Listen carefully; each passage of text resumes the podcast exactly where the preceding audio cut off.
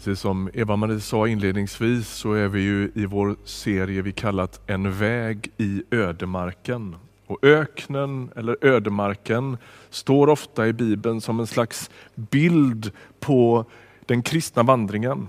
Och förra veckan så var vi inne på hur Gud leder det judiska folket ut ur Egypten till det utlovade landet. Och att det där står som en väldigt tydlig bild på vad som sker liksom på trons väg. Å ena sidan så kan man likna hela det kristna livet vid en slags eh, ödemark. Det är där man lär sig lita på en Gud man inte kan se. Det är där man lägger av sig somligt som blir lite för tungt att bära. Och det är också i den där vandringen som man Se till att inte slå ner bopålarna för djupt. Därför att rätt vad det är så reser sig den där molnstoden eller eldstoden och det är dags att dra vidare i efterföljelsen. Det behövs en viss lätthet i resandet. Men det är inte bara sånt som sker i ödemarken utan det är också där man lär känna Guds kraft, Guds makt, Guds beskydd och Guds omsorg. Berättelsen om Israels folk och vandringen i Egypten är ju en, på många sätt en sorglig berättelse om deras brist på tillit, deras otro. Men det är också en fantastiskt vacker berättelse om Guds trofasthet, om hans uthållighet med sitt folk och att han gång efter gång förvånar dem med sin omsorg. Men så kan man också tänka sig öknen som bilden av de kanske lite tuffare och mer extraordinära omständigheterna. Öknen är perioderna i vårt liv när Gud känns långt borta.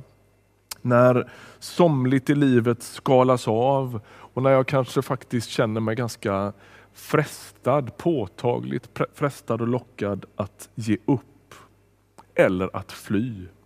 Det är i öknen som Jesus frestas av djävulen så småningom. Men han leds faktiskt dit av anden. Anden leder Jesus in i en tid av prövning där det är djävulen som står för frestelserna. Gud kan inte fresta någon, står det i Nya Testamentet. Utan det är djävulen som står för frestelserna, men anden leder honom in där. Det där kan man lura en del på och det kan vara bra att påminna sig om det där. Det är som att än en gång så får vi klart för oss att det är svårt att riktigt reda i frågan om smärtans och förlusternas ursprung. Var kommer detta ifrån? Anden leder Jesus ut i öknen men det är djävulen som står för frestelsen. Att befinna sig i en öken är en skakande upplevelse. Och den ska på inget sätt romantiseras, utan det är farligt där. Man kan dö i en öken. Man kan dö av törst. Man kan dö av hetta. Man kan faktiskt också dö av kyla i öknen. Det är nog ingen tillfällighet att djävulens frestelser kommer till Jesus just i öknen.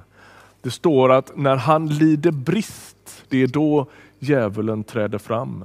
När Jesus har fastat 40 dagar i öknen, var med på parallellen, Israels 40 år i öknen och Jesu 40 dagar i öknen. Då står det att Jesus blir hungrig.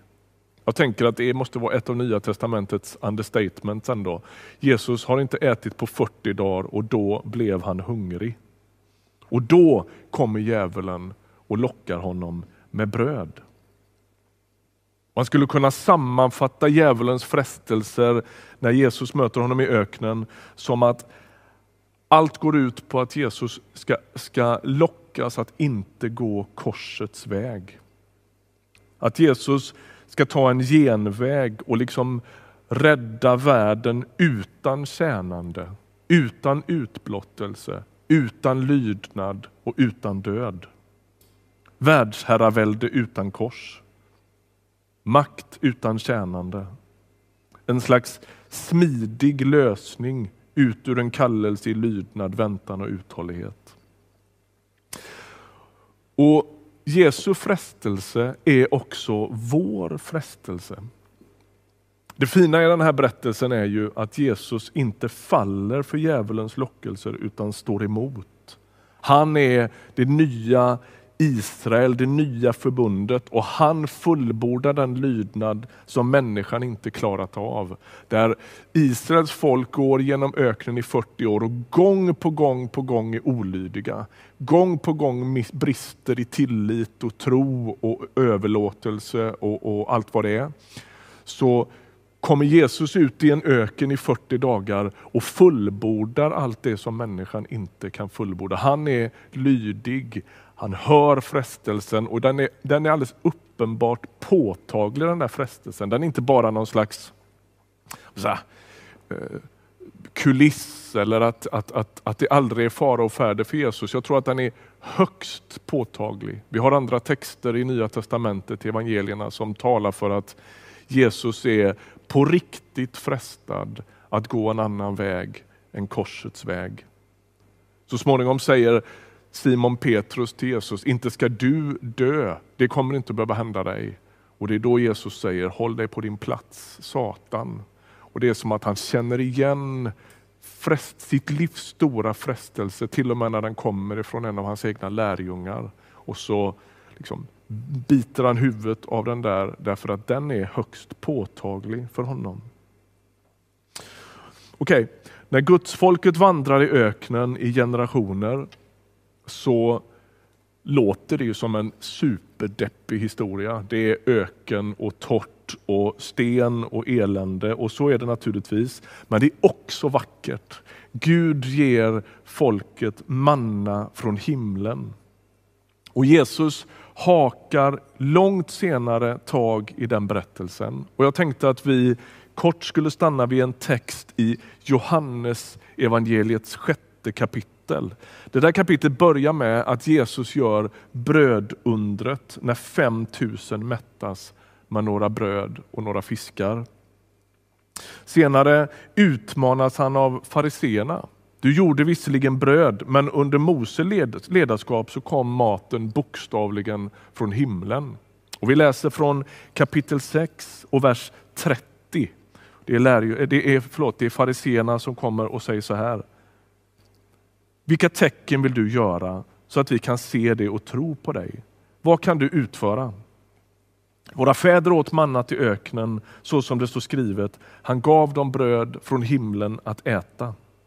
Jesus svarade, sannerligen jag säger er, Mose gav er inte brödet från himlen, men min fader ger er det sanna brödet från himlen.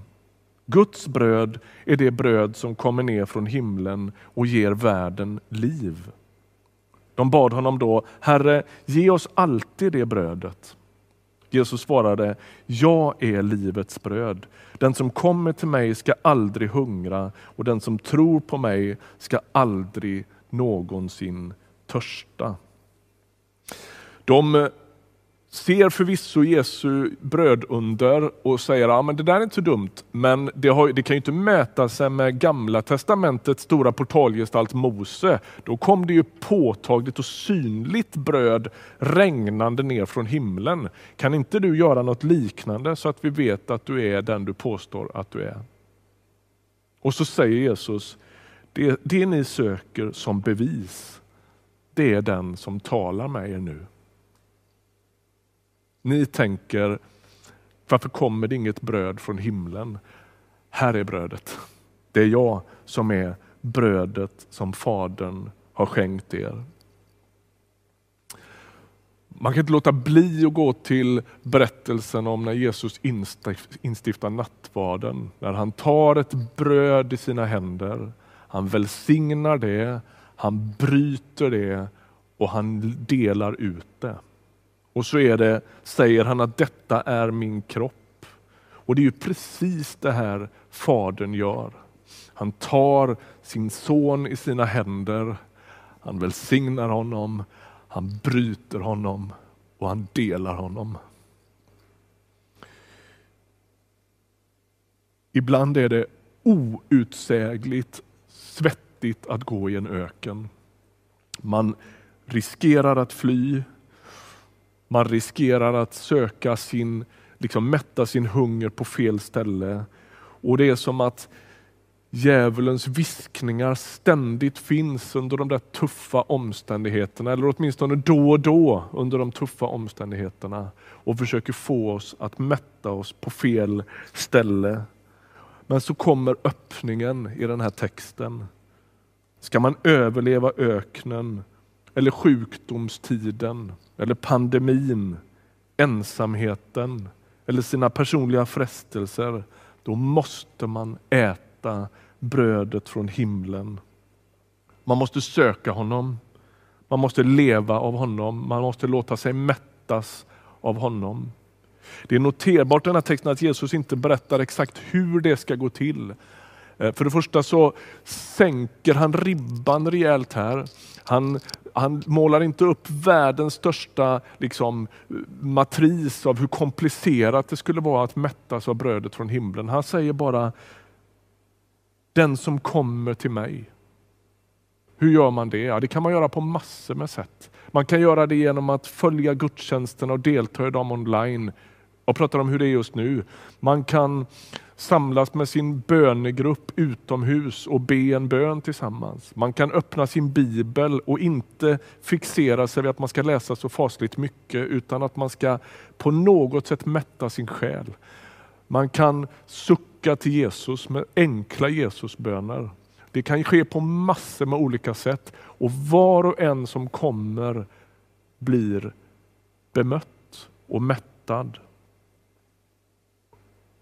Bibelkommentatorerna de noterar här hur, hur fariseerna talar om brödet i dåtid men hur Jesus pratar om brödet i nutid. Den som kommer och den som kommer igen och den som kommer än en gång. Den som återvänder ständigt och jämt till Jesus blir mättad i sin själ. Jag tror inte det finns något annat sätt att motstå frestelserna att um, komma till ro mitt i de tuffa omständigheter som ibland bjuds varje människa än att ankra sitt liv rejält i Jesus Kristus. Det är enda sättet att få bukt med flyktmekanismerna som drar i våra själar. Var och en som kommer till honom. Och det står här där, där, där, där, där um, fariseerna tänker ett, ett, ett explicit folk så talar Jesus om att hela världen ska få liv. Guds plan är så mycket större än, än det som människor som hör Jesus ens kan omfatta och förstå. Och det är vår smala lycka. Ett litet hedna folk i norra Europa får också äta det brödet. Ska vi be tillsammans? Herre Jesus, tack för att du har låtit dig brytas för vår skull.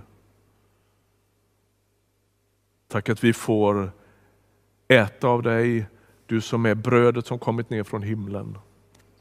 Tack att det är för oss, precis som för Israels folk, att det går liksom inte riktigt att spara förra veckans, förra månadens, förra årets bröd, utan vi behöver gång på gång komma och äta av dig. Möt våran längtan. Hjälp oss att leva av dig. I Jesu namn. Amen.